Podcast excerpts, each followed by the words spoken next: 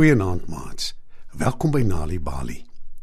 Om selfsugtig te wees is 'n nare karaktertrek nie waar nie.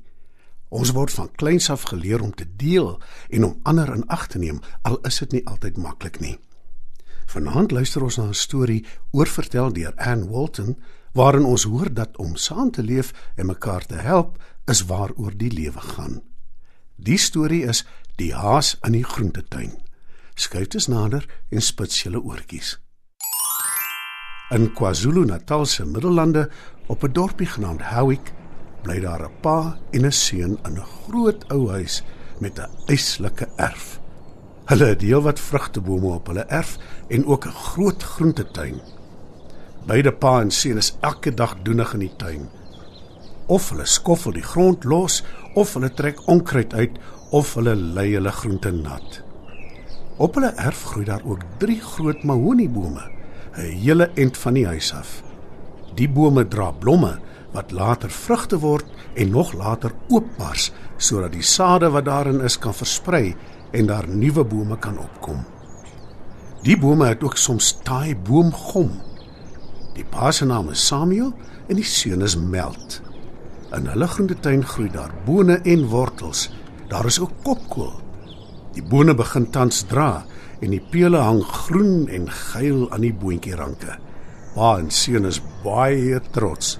Maar dit is ongelukkig van korte duur, want op 'n pragtige sonnige somersdag kom daar 'n haas in hulle tuin ingespring spring. Hy kyk vinnig heen en weer of hy nie die pa en die seun gewaar nie.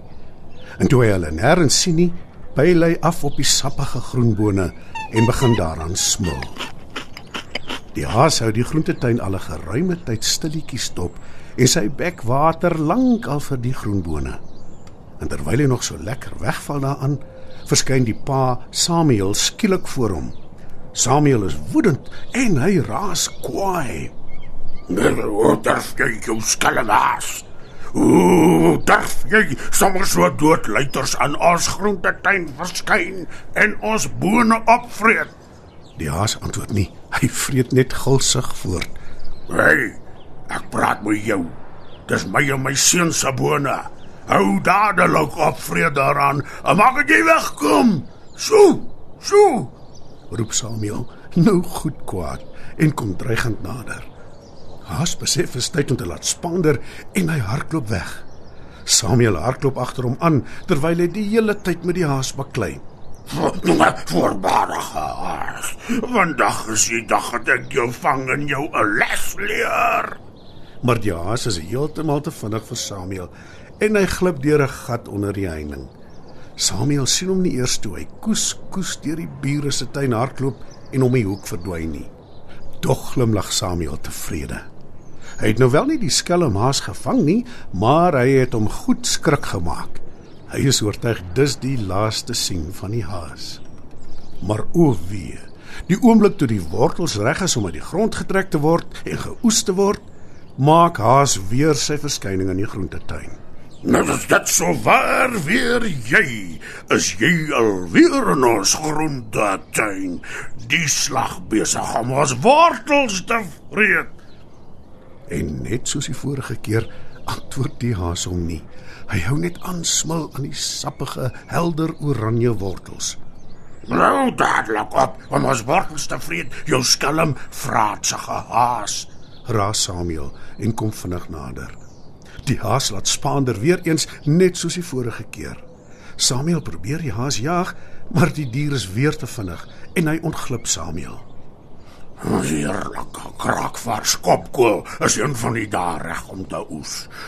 Ons sal 'n manier moet dink om die haas te keer dat hy dit nie ook bydam nie, sê Samuel vir sy seun Meld. Hy is nou al goed moedeloos omdat hy niks aan die lastige haas kan doen nie. Die rat se dier is dood eenvoudig net te vinnig vir hom. Ek sien daar's boomgom aan die mahoniebome, pa. Kom ons gebruik dit om die haas te vang. Stel Meld voor. Samuel is in sy skik. Hy dink dit is 'n uitstekende idee en stem dadelik in. Samuel dink aan nog iets. Hulle kan Lesbes 'n voelverskrikker maak en van die gom aan die pop smeer. Hy is oortuig die nuuskierige haas gaan naby genoeg aan die pop kom sodat hy daaraan vassit. Pa en seun maak boomgom bymekaar en begin 'n voelverskrikker pop maak. Toe hulle klaar is, staan Mel terug en kyk in sy skik na die pop. Taiman. Dis wat ons hom sal noem, Nappa. Sê Mel. Samuel stem saam. Toe maak die twee Taiman staan in die middel van die lapkop koel. Hulle sit ook 'n mandjie langs die pop neer. In die mandjie is ses sappige groenbone, vier verleidelike geel wortels en 'n bakkie yskoue water. Samuel lag lekker wanneer hy dink hoe die haas hom gaan verbeel dis sy voorgereg. En dit is dan inderdaad wat gebeur. Nie te lank nadat Samuel en Mel Taiman in hulle groentetuin staan gemaak het nie, verskyn haas doodluiters. Hy spring spring oor die grasperk tot by die groentetuin en begin sommer dadelik smil aan 'n sappige kraakvars kopkoel. Maar toe sien haas Taiman met die mandjie langs hom. Hy spring nuuskierig nader en loer in die mandjie. Behoor die ses sappige groenbone aan jou, meneer? Vra die haas. Maar Taiman sê niks nie. Nou ja, aangesien jy nou nie wil verwerdig om my te antwoord nie, gaan ek hulle maar eet. Sê haas en verslind die groenbone. Toe hy die bone opgevreet het, vra die haas. Wat van die wortels? Is hulle joune? Taiman antwoord nie en haas val weg aan die wortels. Wat van die lekker koue water? Is dit joune of kan ek dit maar drink? En toe Taiman weer eens niks sê nie, slurp haas die water gulsig op. Toe haas klaar die water gedrink het, vee hy sy snorbaarde droog met sy poot. Hy kyk die rare man voor hom op en af. Haas is nogal vies omdat die man hom ignoreer, maar besluit om 'n laaste keer te probeer om met hom te praat. Maar toe Taiman steeds net daar staan, raak Haas goed kwaad en gee die pop 'n taai klap met sy voorpoot. En omdat die pop taai is, klou Haas se poot vas aan die pop. Haas vererg hom bloediglik en klap die pop met sy ander voorpoot wat ook aan die pop vasklou. Nou kan Haas nie beweeg nie. Hy sien hoe Samuel en sy pa nader gestap kom.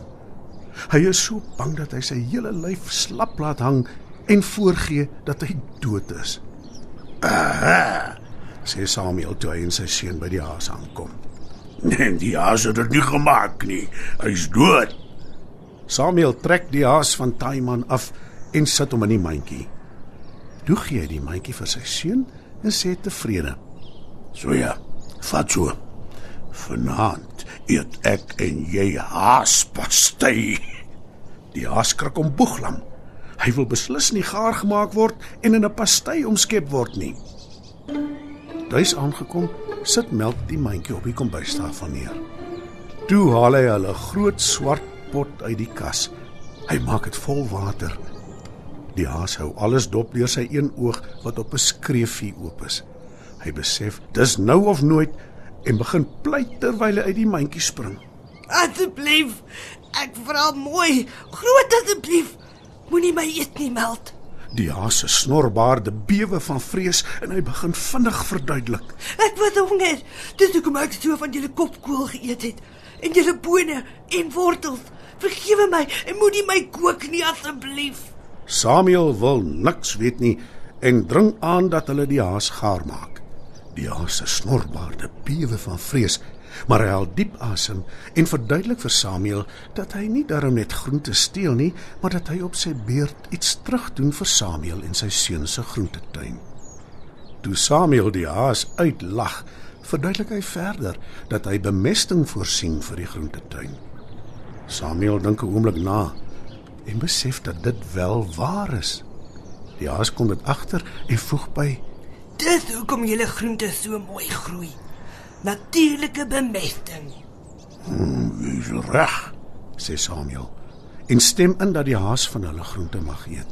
Maar hy stel ook 'n duidelike voorwaarde dat die haas nie gulsig moet wees nie. Die haas stem dankbaar in. Wanneer kinders tuis stories hoor, help dit hulle om beter leerders te word op skool.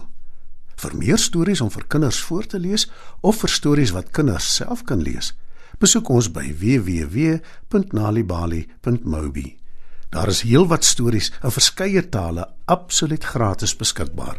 Daar is ook wenke oor hoe om stories vir kinders te lees en met hulle te deel sodat hulle hulle volle potensiaal kan ontwikkel. Nali Bali is ook op Facebook.